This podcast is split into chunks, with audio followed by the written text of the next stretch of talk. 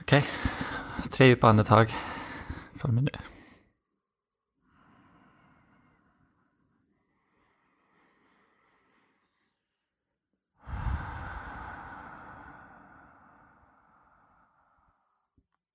Nu är jag klar, jag vann.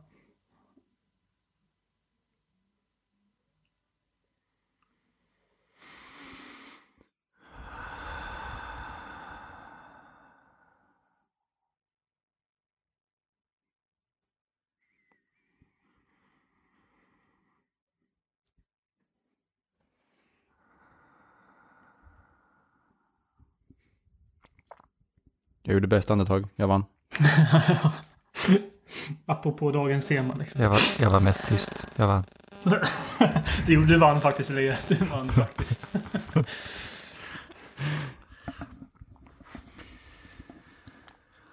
Ja, är vi redo? Yes. Japp.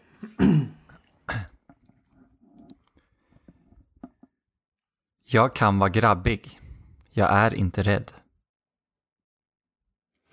Jag kan vara grabbig. Jag är inte rädd. Jag kan vara grabbig. Jag är inte rädd. Det ni hörde var alltså eh, Maure Liebenhofer, Elias Liebenhofer och Dennis Jönsson. Eh, det är vi som är Mannen i spegeln. Eh, en podcast eh, där vi samtalar om, om eh, män, om att vara man, bilden av att vara man och så vidare. Eh, välkomna! Eh, och hej på er, Dennis och Mauri. Hej. Hej! Hej. Eh, det, vi, vi kan ju förtydliga en sak här också direkt. Eh, att eh, vi sitter ju på tre olika ställen. Eh, vi sitter alltså inte i varandras knän utan på tre olika ställen. Nej, men helt... o- Även fast vi hade önskat det. ja, men tre, tre helt olika eh, städer till och med. Eh, Dennis, vart är du någonstans? Jag är eh, ute i skogen två, två och en halv mil eh, utanför Bollnäs. Finns det internet där I- alltså? Det, ja, ja, det gör ju det. Man får, man får, man får eh, veva igång det. Eh, men nej, men det, det så, så långt borta är jag inte från civilisationen. Om Dennis blir lite andfådd så är det för att han har vevat så jävla mycket. Han måste fortsätta veva. Så att, eh, ja, vi får väl se om han orkar det här. Eller om vi hör en varg så får vi så här, ja, var tyst nu Dennis så inte vargen märker det. Typ. Ja, ja Mauri då? Ja, jag, Mauri då, jag är i Malmö. Sitter uppe på Turning Torso, Okej. tror jag hela tiden. Det tror alla som är i Malmö, eller tror alla som hör något om Malmö, att är du i Turning Torso? Ja.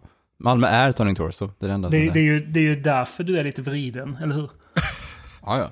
Jag vrider, alltså, du vet inte, alla Malmöbor har ju vridit, de vrider ju liksom överkroppen så hela tiden. Det, ser skitkonstigt ut. Ja. Man blir som man umgås, brukar det kallas. Ja. Ehm, jag var Mm. på väg att säga något Göteborgsskämt men det blev inte så. Eh, jag, Gör det när du har flyttat till Göteborg om du gör det. istället. ja precis, när jag flyttar tillbaka. Nej men just nu är jag och Elias i uh, Åtvidaberg. Ni vet, eh, metropolen. Åtvid. Ja, precis. Ni hör på min östgötska här. Så att jag, nej. Men så är det. Så eh, det här med det tekniska är ju ganska fantastiskt när det väl funkar. Vilket det inte alltid gör, men eh, det är kul. Ehm, en dag får vi väl sitta på samma plats hoppas jag. Men ehm, det får vi se när det blir. I alla fall. Ehm, idag så ska vi spela in ett avsnitt igen. Det var länge sedan, eller hur? Ja. Alldeles för länge sedan. Ehm, senast var ju strax efter nyår, så att eh, vi är tillbaka äntligen. Ehm, och jag märker nu att den här en minuten som jag hade på mig att säga hej och välkomna är ju lite, var lite, ja, lite kort tänkt. Ehm, Mm, man lär sig. Ja, man lär sig. Man kan inte moderera perfekt första gången. Nej. Ehm, Dennis, du har ett litet Ja. citat. Ja, men precis. Dagens citat är, det blir en liten mishmash av dagens citat och dagens kulturella inslag.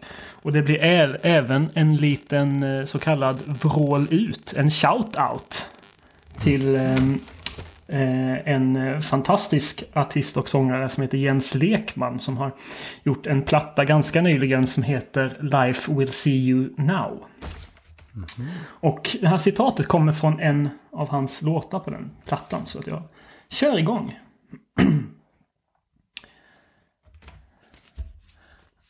I mean, I guess he knows, just like I know, when he says something funny and I laugh from my belly. Or when Sandra left him and I held him when he cried.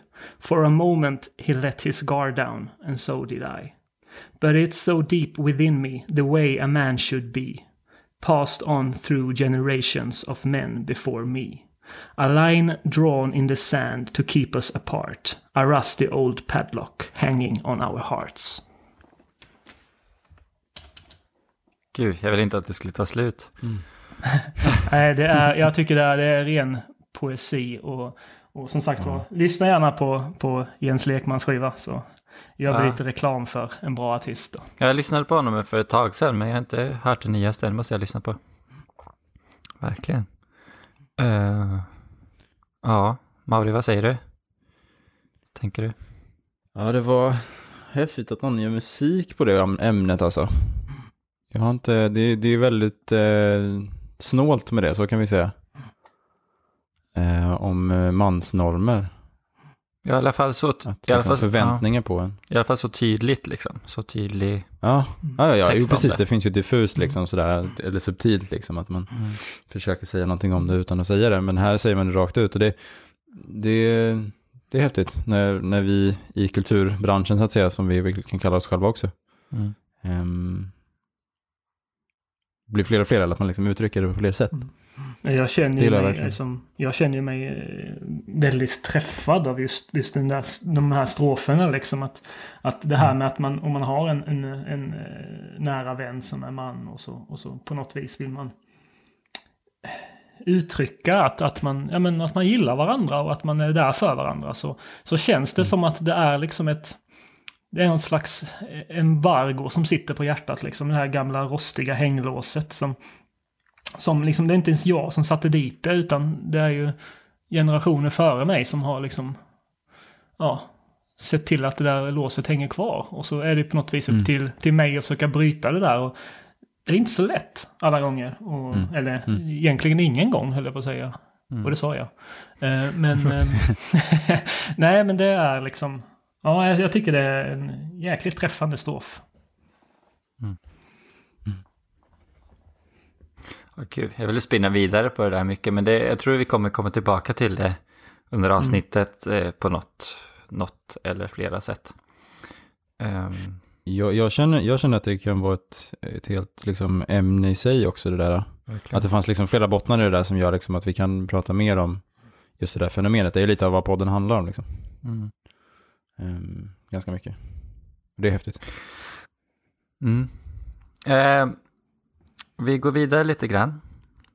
Um, tack Dennis för fina citatet. Um, vi har ju så här att vi brukar ha ett safe word. Uh, och det är ju ett ord som vi kan ta till när vi känner att det här ämnet eller den här frågan var lite för uh, svår för mig. Jag, jag känner inte att jag klarar att prata om det här. Liksom. Ehm, vi utmanar ju varandra att prata om sånt som är ovant och svårt att prata om, men ibland så känner man bara inte att man kan det. Och då kan man säga safe wordet. Och i dagens avsnitt så har jag bestämt att vi har safe wordet manboy. Eh, Mm. Funkar det för er? Ja. Mm. Det, är inte, Alldeles ypperligt. det behöver inte vara så mycket Ingen, djup- ingen manboy på det. Nej. det behöver inte vara så djupt själva ordet, utan det är bara att vi är överens. Um, men uh, inför det här avsnittet nu då. Jag kan vara grabbig, jag är inte rädd. Titeln, vårt tema. Vad, uh, vad, vad känner ni? Vad känner vi uh, inför det här avsnittet? Vad, vad känns viktigt när vi ska prata om det här? Vad säger Dennis? Ja, eh, när du och jag Elias satt och, och, och pratade om, om att göra upp en plan för det här avsnittet. Det var väl i typ i, när var det? Ja, det var någon månad sedan. Mm.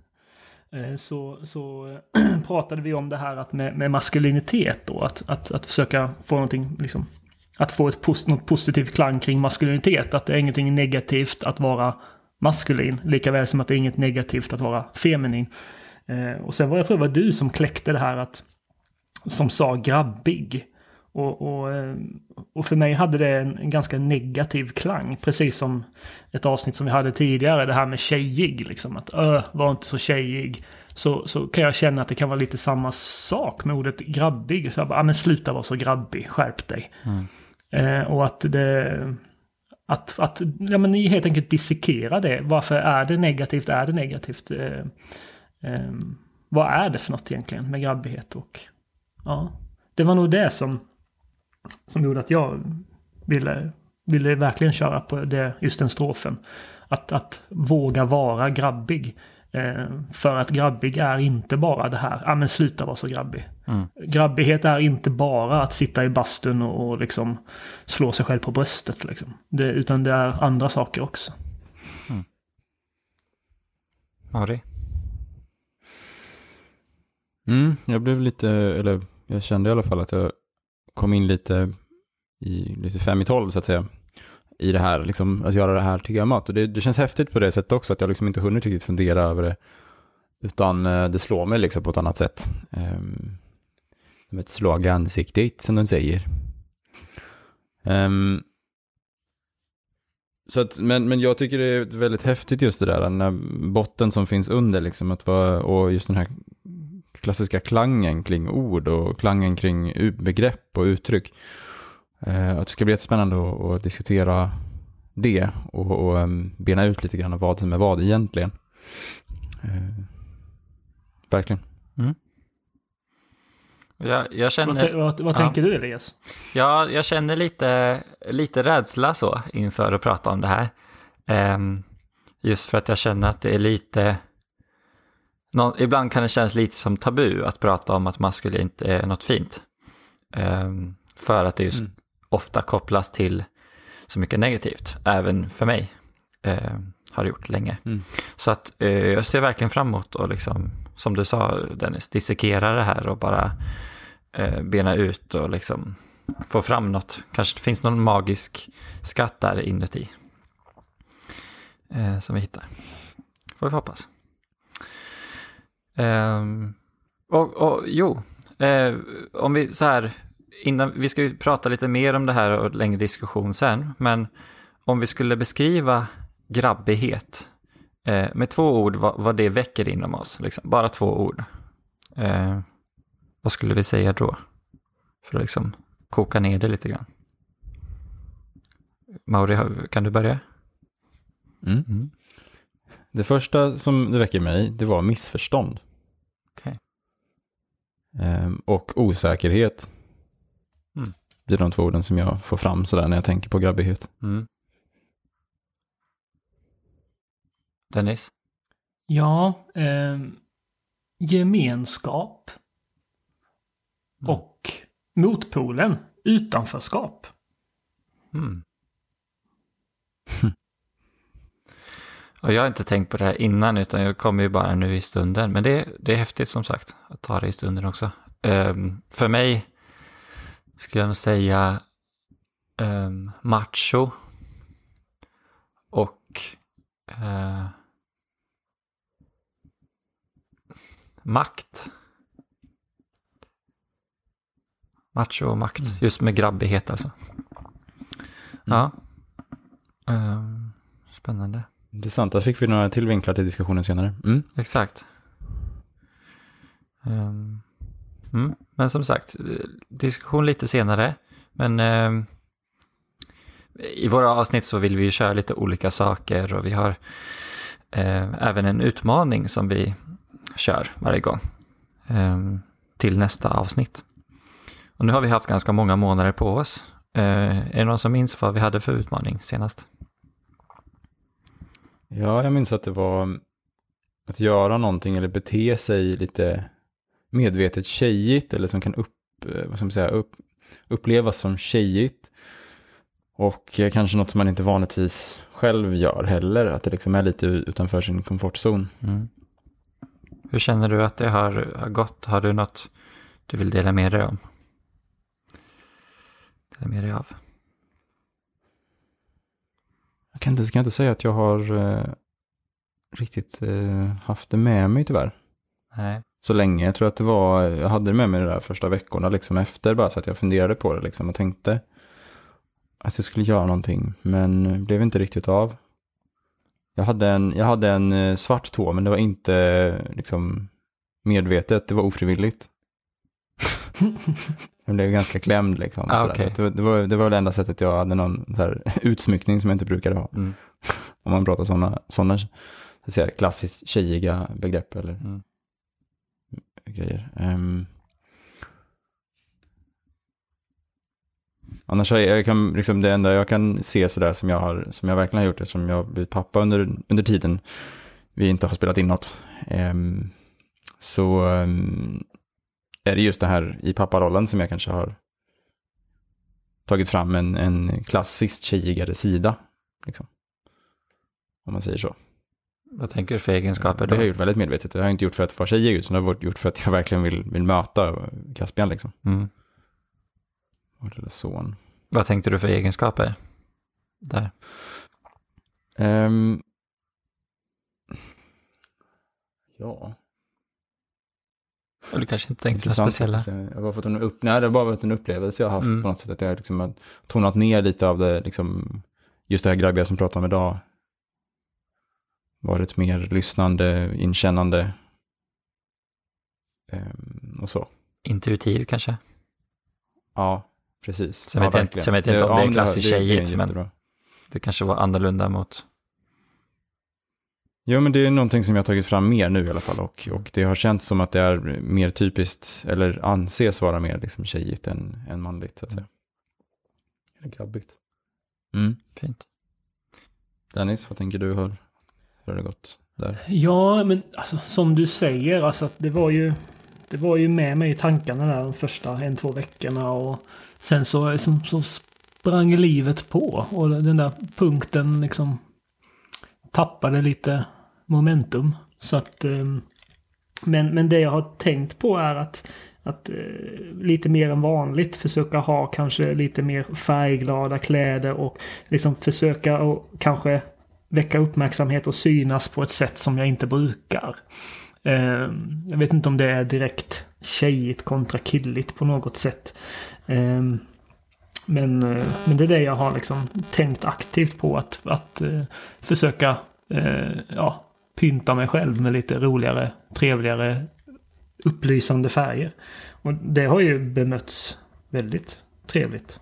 På, och bra liksom på, Mm. på jobbet och av allmänhet och folk runt omkring. Liksom. Jag har liksom inte hört någonting negativt utan bara positivt. Liksom.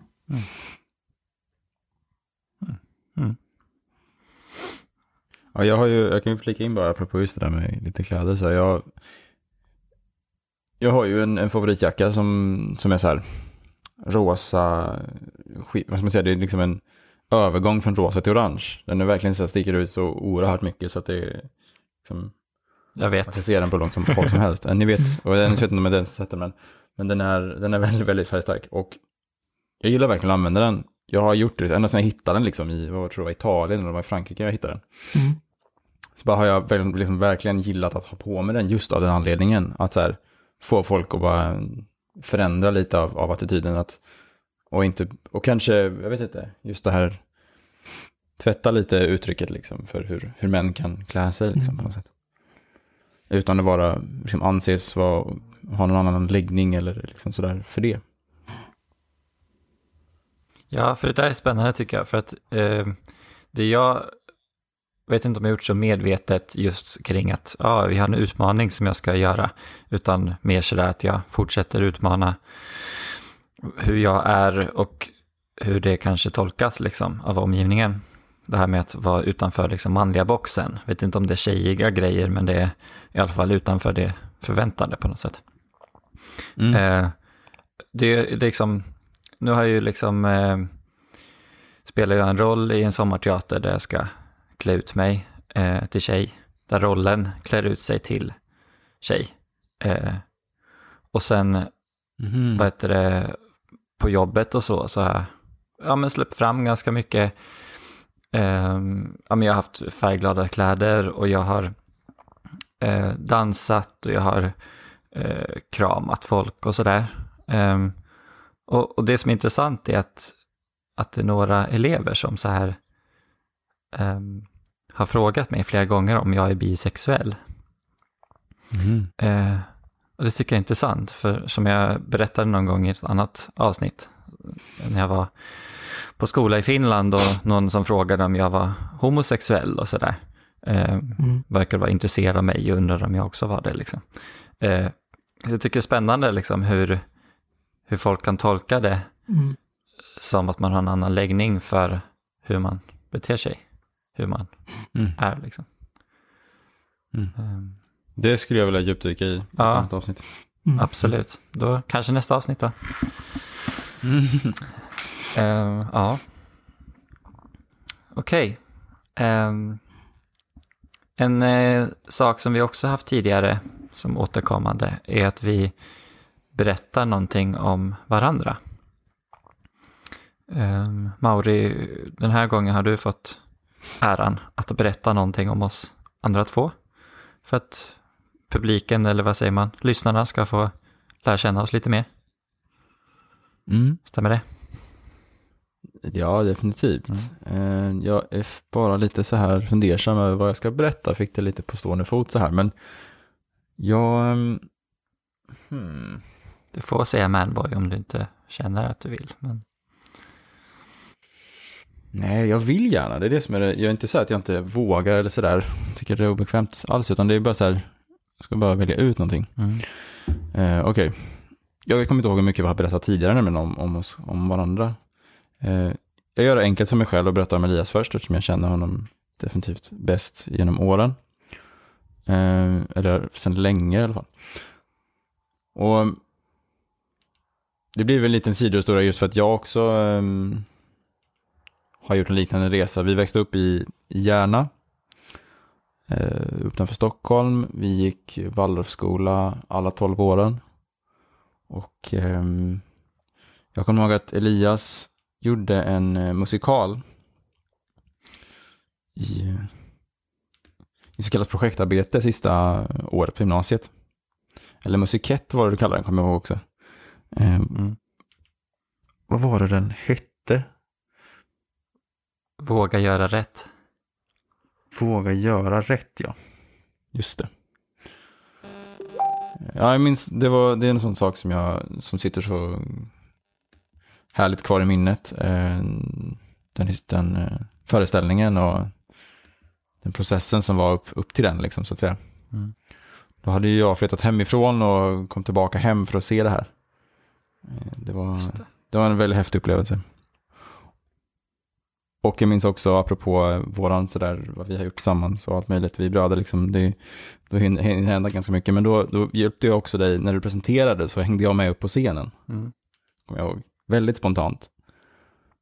Och frågade dig lite frågor om hur det hade gått i processen, för att liksom få det lite, göra lite avslappnat. Så det blev liksom en, en start där till kanske det här. Ehm. ja, det minns jag väldigt väl. Det, det är någonting som jag tänker att jag gärna delar med mig av om dig. Mm. Tack. Och Dennis. ehm, vi kan ta någonting om, för att vet, jag har inte berättat så mycket kanske om, om när vi lärde känna varandra mest. Sådär. Jag kommer ihåg att visst, vi träffades i Stockholm på enhets årsmöte första gången, liksom fysiskt. Mm. Men det var när vi var på Gotland som vi verkligen lärde känna varandra. Och eh, jag minns våra promenader framför allt. Och eh, samtalen så att säga, när vi var där. Samtalen om allt möjligt, om livet och döden och allt mittemellan. Mm. Eh, det är, ja, känns underbart att eh, kunna samtala med dig på den nivån. Och ha det liksom, ha den, eh, den vännen som man kan verkligen samtala med om vad som, hel- vad som helst, hur som helst. Ehm. Jag har sagt det förut tror jag, men det känns som att vi, vi eh, kunde varit bröder om vi inte hade fötts med olika föräldrar. Um, och det är häftigt, sådana möten. Själsbröder Ja, kanske? men verkligen. Ja, verkligen. Och när man känner att, att man klickar så pass snabbt. Mm. Det, nej, men häftigt. Ja, det är jättesnabbt. Så det är väl en korta sådär, grejer som jag kom på spontant i alla fall, som jag ville dela med mig av. Tack så mycket. Mm. Mm. Ah, känner man glömmer att andas lite ibland. Ehm, nu är det lite dags för eh, diskussion då. Ehm, vi har lite förbestämda frågor som jag lämnar över ordet lite grann till eh, Dennis som ska få leda den här diskussionen. Och så tar vi det därifrån. Ja, tack för det. Jag tar emot stafettpinnen. Eh, ja, vi har ju som sagt var när vi satt och diskuterade om, om hur vi skulle lägga upp det här så, så eh, bestämde vi att vi skulle ha, som vi brukar, lite förutbestämda frågor. Och, ja, vi slänger väl oss hejdlöst in i den snåriga djungel som de här frågorna är. Och Absolut. första frågan är ju då varför har grabbighet en negativ klang? Har den en negativ klang? Och där tänker jag lite att ehm, det är lite i det här som, det är så, just det här ordet grabbighet är så dubbelbottnat för mig för att det har under min, min uppväxt så har grabbighet varit liksom både en trygghet och en otrygghet på något sätt. Och både just den här, som jag, de här orden jag valde, både gemenskap men också liksom roten till, till en känsla av utanförskap. Eh, vad, vad tänker ni om det här? Eh, Elias, vad, vad tänker du om, om grabbighet och en negativ klang? Ja, det är spännande för eh, man kommer ju tillbaka till de här, jag kom också tillbaka till de här två orden som jag valde. Ehm, um, vad, vad som väckte, väcktes inom mig med ordet grabbighet. Um, för mig var ju macho och uh, makt. Och, och jag tänker att det finns en gemenskap i det när jag tänker tillbaka på hur det var i tonåren och så. När man, när man kände en samhörighet med andra killar fast den inte alltid var så eh, kärleksfull och, och konstruktiv alltid så var det ändå en gemenskap. Eh, ibland har jag tänkt att jag inte har tagit del av sådana eh, attityder och, och sådär, men det gjorde jag ju faktiskt några år där. Eh, när man så här, slog varandra på, på axeln och, eller vad heter det, här på sidan så. En viss nerv som var så jätteroligt att slå på för att det gjorde så ont. Ehm, och eh, man, man sådär skojar med varandra och sådär. Ehm, men eh, jag tänker att det har en negativ klang för att, för att det finns det finns nog många sammanhang i samhället och i världen där liksom män i grupp eh, utgör ett hot eller skapar otrygghet blir något läskigt för någon annan eller även i gruppen. Eh, om man tänker som tonåringar och de attityder som gör att liksom, det blir en säkerhet i att en grupp där man gör varandra osäkra. Typ. Eh, Mm. Försöka höja sig själv och trycka ner andra. Eh, och sen i äldre, äldre liksom så här, män i grupp pratar man ju ofta om, eh, om att det är liksom feministiska eh, cirklar och så, så, så har jag hört det många gånger om att liksom att det, att det, är liksom, det är inte män man hatar utan ofta är det män i grupp eller män, hur män liksom beter sig. Eh, så. Eh, det kopplar jag till, till grabbighet. Och det tänker inte jag eh, är positivt. Men det borde finnas något positivt i att ha gemenskap bland män. Så tänker jag. Lång Mm. utläggning, men ja. Mauri? tänker du? Mm, ja, men det är just det här med ordvalet och eh, ordets klang på något sätt som så att säga sätter igång någonting i mig. Att jag liksom funderar över vad det, det betyder och som ligger till grund för det. Och eh, precis innan här när vi, när vi pratade lite om avsnittet så, så tänkte jag just på det här med att jag tog upp ordet missförstånd för att jag tänker att det begreppet grabbigt liksom bara har blivit ett sätt att eh, dra alla grabbar så att säga, eller killar, eh, folk med manligt kön över en kam och eh, liksom säga att det är, det är någonting som har med könet att göra, att vara på ett visst sätt då. Vara lite översittare eller lite liksom eh, mansplaining och eh, på något sätt köra över folk liksom sådär med, med uttryck och liksom inte låta folk tala till punkt och vara liksom så här lite, lite dryg som jag snarare skulle kalla det, vissa grejer liksom. Och um, ordet osäker kommer jag, kommer jag på just för jag tänker liksom att det, att det kommer utifrån en osäkerhet, det beteendet. Mm. Att det egentligen inte är så mycket, det har egentligen ingenting med könet mellan benen att göra. Vad man är för någonting vad man är född i med så att säga, eller ens om man ens har förändrat det, liksom, att det skulle ha något med det att göra. Utan det är, det är snarare bara en, en eh, kulturell och liksom en normativ grej som har kommit efteråt. Och, eller så att säga blivit någonting som man tyckte att man behöver uttrycka sig på ett visst sätt för att man är osäker kanske. Liksom, eller sådär. Uh, och nu när jag, jag har en, en son så har jag tittat ännu mer närmare på det här. Liksom, att vad är det egentligen som gör allt det här? Vad är det egentligen som gör det här negativa beteendet? Och jag har insett att det handlar så mycket om självkänsla. Det handlar i princip bara om självkänsla, liksom förståelsen för jaget och känslan för att jag är värd någonting, så ett egenvärde. Så när egenvärdet går ner och man blir drabbad av liksom, att man inte känner sig värd någonting eller sådär. Inte värd att älskas, inte värd mm, liksom, bra saker.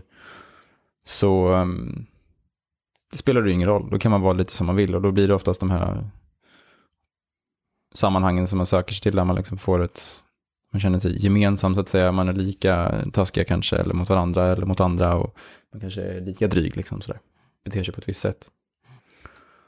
Eh, lika osäkra och trigga varandras osäkerheter genom att sänka varandra så att säga, ännu mer.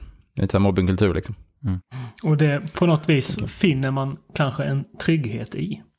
Och det, mm. det, är ju liksom lite det att, att det här, vissa, vissa människor finner ju en trygghet i durackordet och andra människor finner en trygghet i mollackordet. Och mm. vissa då är ju mer som kameleonter och kan röra sig på en hel skala. Och om man då tittar på just det här med grabbighet och maskulinitet då har vi pratat om det negativa, den negativa klangen. Vad skulle då kunna vara, eller vad är, den positiva klangen? Och hur skulle det kunna se ut? Ehm, jag kommer ju då direkt att tänka på just det här med den här ehm, samhörigheten, gemenskapen som jag pratade om. att När jag växte upp så, så spelade jag innebandy. Eh, och ehm, då var det eh, liksom en 15-20 killar som, som träffades tre gånger i veckan, ibland mer.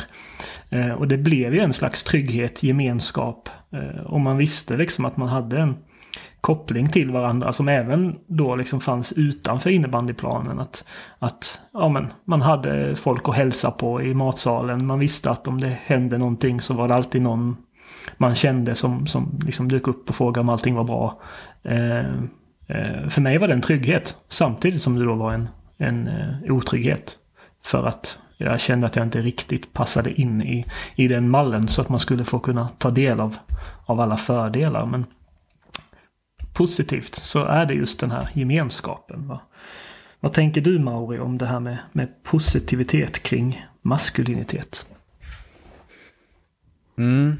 Alltså precis, då går vi in på, på snarare den energin som är den positiva delen i det. Att liksom, jag skulle då, om vi bara kort sammanfattar det innan, att grabbigheten då liksom är kulturellt betingat och någon typ av norm, normativt beteende bara för att man tror att man ska vara sån som kille. Så är maskulinitet någonting som vi, den här energin liksom, ser jag det som. Um, och att utöva den där maskulina energin, att faktiskt vara målmedveten och stark så att säga på vad man, som säga, beslutsam eller så. Och um, inte vika sig för uh, så att säga svåra utmaningar eller svåra tester så att säga utifrån eller inifrån. Uh, det ser jag som så här positiva egenskaper hos det maskulina så att säga. Eh, där jag, där jag har känt att jag har utvecklat de förmågorna men sen har snarare försummat liksom ganska mycket och försökt förminska mycket av de här sätt, känsliga sidorna som eh, även fast intuitionen har fått med så liksom min kontakt med mina känslor har ju varit någonting som jag har fått jobba med ganska länge. Det liksom har varit svårare att ta fram.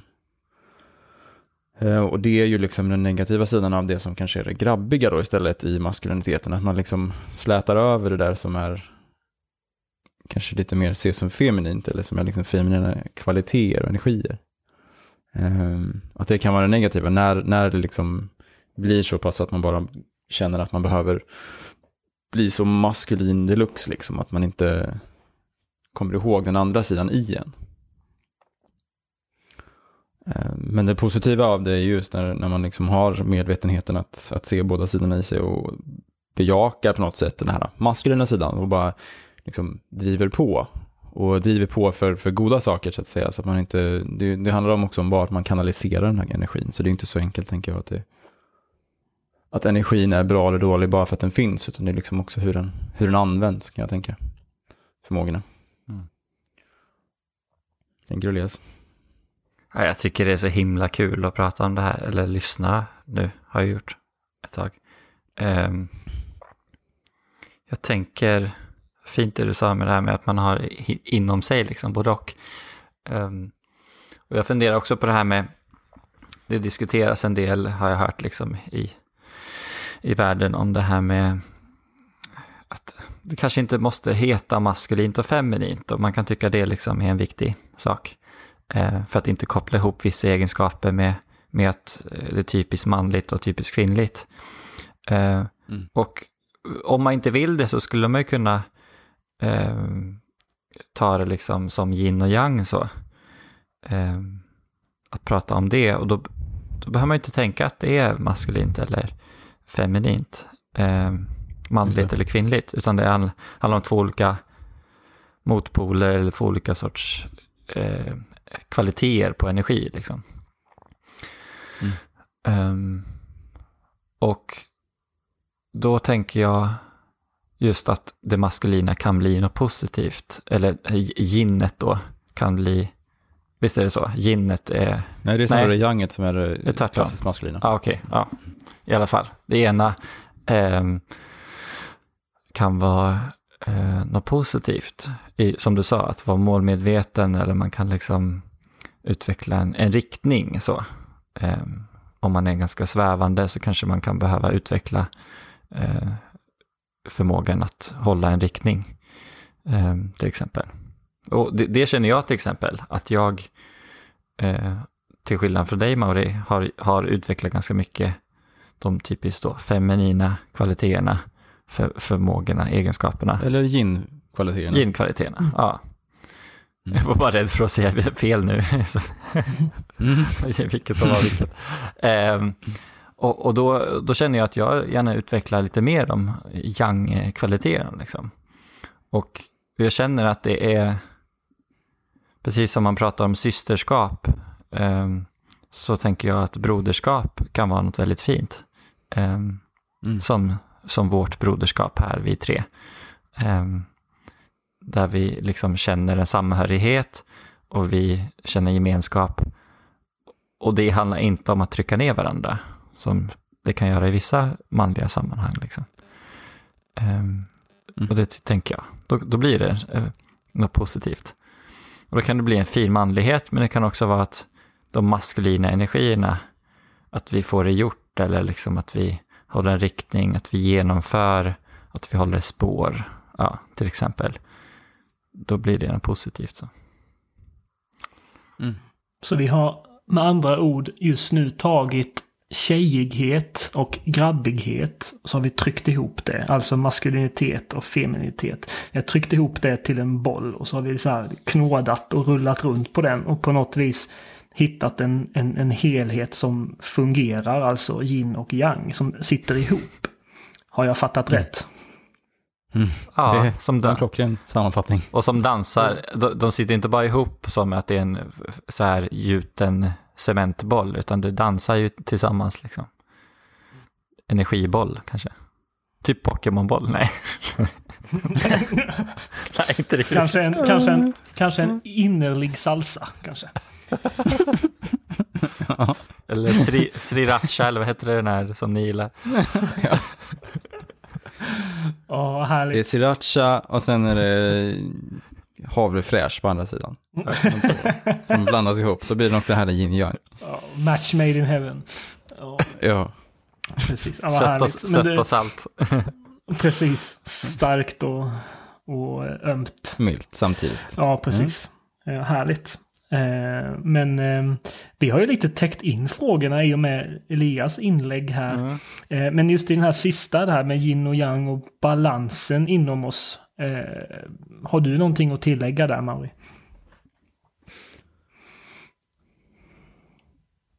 Ja, det har jag väl. Jag ska bara formulera mig. Um, yin, jag ska inte sitta tyst i en halv minut innan jag säger något, utan det är bra om jag får börja i alla fall. För att jag har ju stött på de här yin och yang-uttrycken ganska mycket i hotyogan, eller yoga överlag.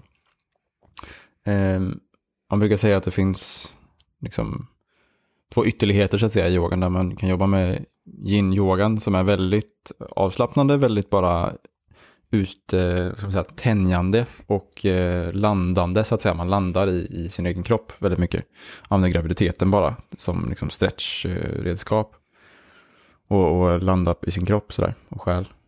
Yang-yogan istället är det, den kraftiga yogan, det som kallas för hatta-yoga ganska ofta. Det. Ehm, det är när man väldigt kraftigt eh, tar tag och liksom fokuserar och står och kanske håller en båge liksom, eller gör sådana tunga saker som helt enkelt kräver väldigt mycket muskelkraft och man hänger upp på händer och står eller sådana här saker.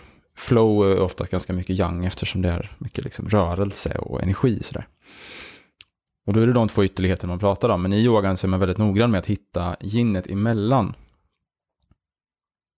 Så emellan yang-kraften, liksom yang-påserna, så yang-rörelserna så ska man hitta yinet emellan och i inuti det kraften, kraften ska man hitta sitt yang, yin menar jag.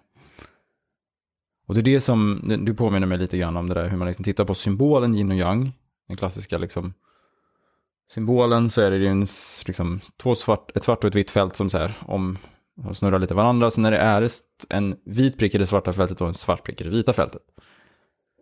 För att det finns alltid en liten portion av det andra som, som är i den liksom, i varandra så att säga, i det större.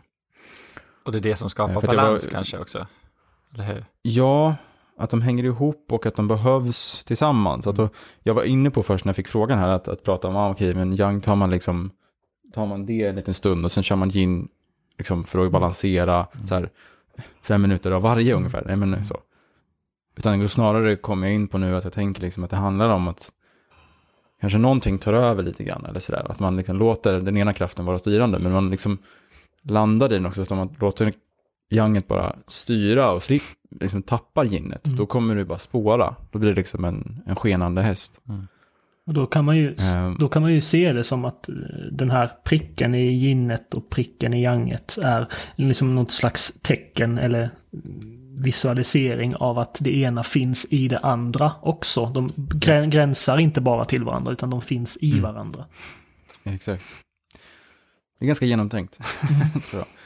Ehm, från Jaha, så du menar det var inte vi som kom på det här nu? Ehm. Du, bra idé Dennis. Jag ska, vänta, jag ska bara sudda ut www.patentverket.se som jag skrivit här. Vänta. ja. Eh, Alltså tiden flyger hörni. Jag skulle kunna prata hela Mm. dagen men ehm, eh, jag lämnar över stafettpinnen. Den är varm och härlig till dig Elias. Jag känner mikrofonen här också varm och härlig som jag håller i. Um, uh, gud, spännande uh, samtal. Um, så inte, det blev så tomt nästan. Um, eller det blev så skönt så här. Bara en paus liksom. Um, det är så, det, blir, det är mycket diskussion och då blir det saker som behöver landa. Men eh, en till återkommande grej eh, är att vi pratar om något som man ofta tänker att, att män och killar kanske inte alltid vågar prata om tillsammans med varandra. Och det är vad man är rädd för. Um, så om vi tar lite kort um, och bara ser om det, om det är något vi vill dela om vad vi är rädda för just nu. Det behöver inte vara just det här programmet, det här temat. Det kan vara allmänt i livet. så. Um, vem vill börja? Jag kan börja. Mm. Um, och uh, det är väl återkommande. Det ligger väl där som en liten törnetagg i mitt liv. Den här rädslan för att inte räcka till. Och det, mm. det går lite i, i, vågor. Och nu är vi väl uppe i en lite större våg när, när jag känner liksom ett, uh, en liten oro över att tänk om jag inte räcker till. Um, ja. Mm. Jag skickar vidare. Mauri? Mm. Ja, det kändes ju ganska träffande för mig också, men jag tror jag ska ta något um, som jag har tänkt på ett tag också som väldigt återkommande tema i mitt liv är ju den här lilla pojken som vi har tagit till världen. Och um,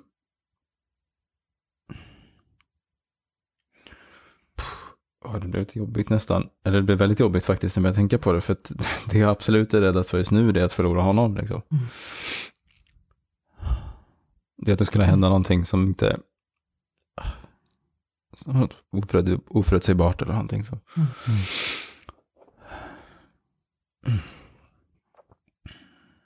Så att han inte ska finnas kvar. För det är, det är någonting som har eh, förändrat mitt liv totalt. Det har vänt mitt liv helt upp och ner och hittat helt andra kvaliteter i mig som jag tycker det är så skönt att ha, ha framme igen. Och då är, det, då är det någonting ganska annorlunda, eller väldigt ovant för mig att faktiskt känna någon sån rädsla för att förlora någon. För att jag har nog gömt mig för det tidigare, den känslan. Hos andra män, så mot andra. Mm. Och det är ju någon som är så totalt beroende av dig också.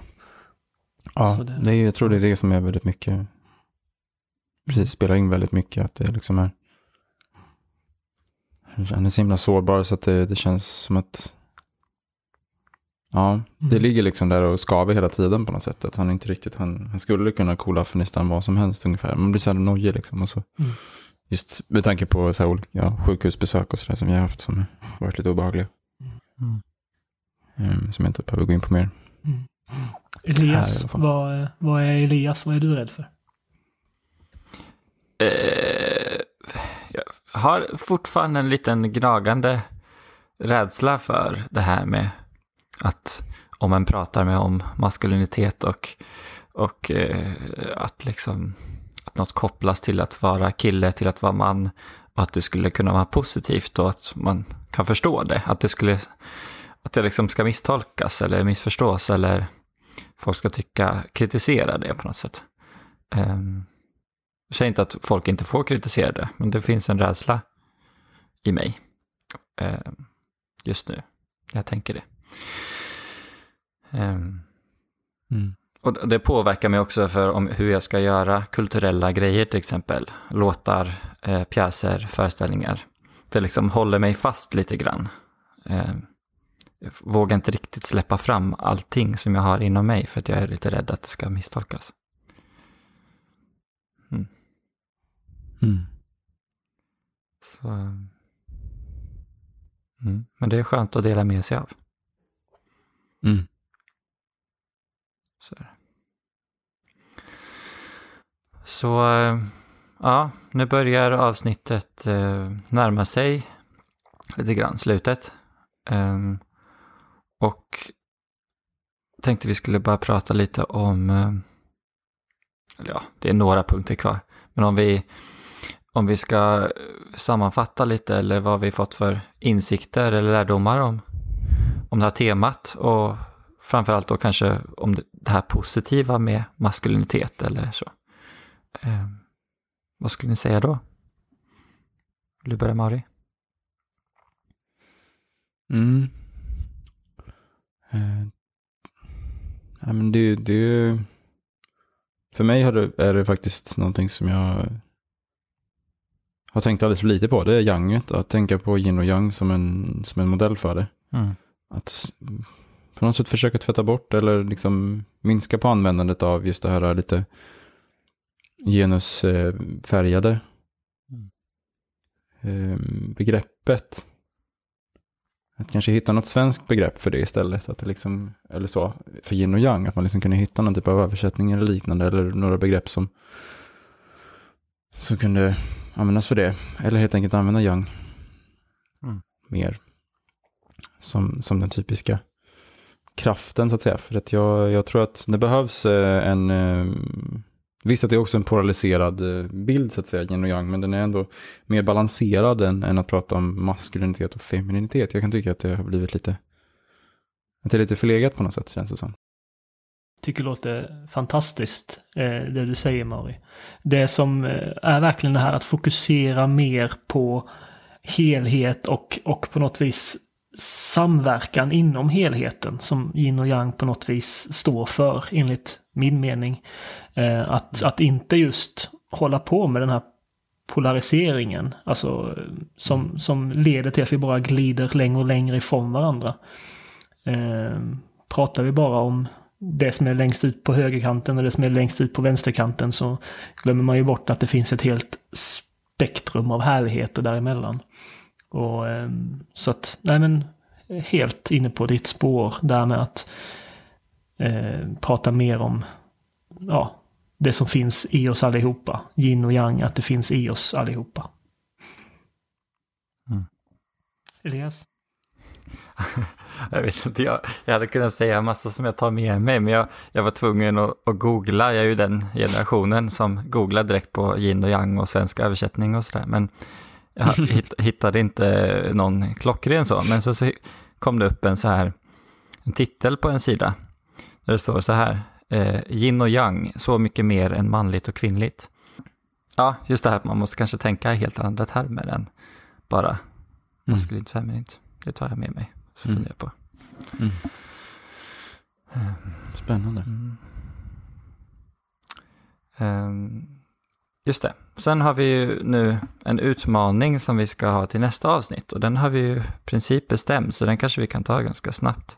Men eh, för utmaningen är att vi ska medveta, medvetandegöra negativ grabbighet eller machokultur eller det som vi upplever liksom som det där som, som inte är konstruktivt, som kanske trycker ner eller, eller eh, handlar om makt kanske. Eh, vad, vad, tänk, Mm. vad tänker vi bara, hur kan man medvetandegöra det? Och så. Säger Dennis? Alltså på, på något vis tror jag att, att eh, vara en liten, eh, vad heter det, vägbula på något sätt. Alltså att, att man på något vis stannar ner farten i diskussionen på, på något sätt. Eh, utan att, att avbryta en diskussion för att det är ju fortfarande kanske en intressant diskussion. Men om den är i ett liksom i, i, i, om den görs i en, i en kultur eller i, då i, en, i en grabbighet, ordet som vi har valt, så, så kan det vara liksom eh, att det blir negativt och att det utesluter vissa personer ur samtalet. Att man på något vis stannar av farten i konversationen på något sätt utan att den helt avtar. Jag tycker vi har fint sagt det med oss, att man ska liksom sänka tempot på något sätt, hastigheten. Eh, och jag, jag kommer att tänka på jag är här, hashtag jag är här, den rörelsen. Eh, spontant så kändes det som att det, det är ett sätt att liksom bara så här stanna upp, reflektera, hur menar du nu? Eh, så. Eh, utan att liksom hetsa upp stämningen. Mm. Utan att säga vad, vad i helvete tänker du liksom. Utan, utan bara säga hmm, så. Mm. Så ja, vi kanske ska sammanfatta Mm. det så. Att på något sätt Mm. eh, stanna upp eh, lite i hastigheten och fråga hur man menar. Liksom. Jag är med på det. Det försöker vi göra så mycket vi kan då till nästa gång. Någon gång i december. Ja, precis. Det blir nyårsavsnittet nästa. um, vad, vad, ehm, innan jag avrundar, så vad, vad ser ni fram emot um, just nu? Nästa avsnitt. Mm. Jag ser fram emot att prata vidare om det, alltså om de här sakerna. Jag har saknat detta, saknat detta alldeles för mycket. Samma här. Ja, och alltså, såklart, jag kan ju inte säga att jag inte har. Liksom. Men, men jag, vill, jag hade ju fokuserat på någonting helt annat i den här punkten. Jag vill ju säga att jag, hade, att jag ser fram emot att det ska bli ett stabilt positivt klimat i min trädgårdsjord. eh, så, att, så att jag kan plantera ut de här förkultiveringarna. Men absolut killar, jag, jag, jag har saknat er också. Ja. Ja. ja, jag ser fram emot att komma någon gång och se din fina trädgård. Den är inte så fin just nu men... men Nej, men när den år är fin. Du kan höra av Ja. dig när den är fin, för jag vill inte komma innan då, det. Då säger vi det. Då säger vi det. Det är väl inte utsidan som räknas? Nej, men jag kommer ju se hur, hur, hur, hur det har gjorts när man har odlat och... Ja, men jag menar att den, om den inte är fin nu, det är den visst, den är jättefin. Jag hörde väl Jag så. Tack, tack. Ja, precis, tanken som räknas. Mm. Ja. Nej då, det är klart att jag vill komma dit och se hur som helst. Ehm, ja, men eh, tack eh, Dennis, Mauri, jag själv för eh, vårt fina samtal. Hoppas eh, ni lyssnare också har fått ut någonting av det här. Um, och hör gärna av er som sagt om era tankar och eh, reflektioner, frågor, undringar. Eh, hiss och diss. Eh, bara man gör det liksom medvetet så är det jättevälkommet. Uh, ja, det var ett spännande tema. Får vi se om nästa tema blir det här med bi och så, eller vad det blir. Kanske blommor och bin. Mm. Tack för oss. Jag kan vara grabbig. Jag är inte rädd. Jag kan vara jangig. Jag är inte rädd. Jag kan vara både ginnig och jannig. Jag är inte rädd.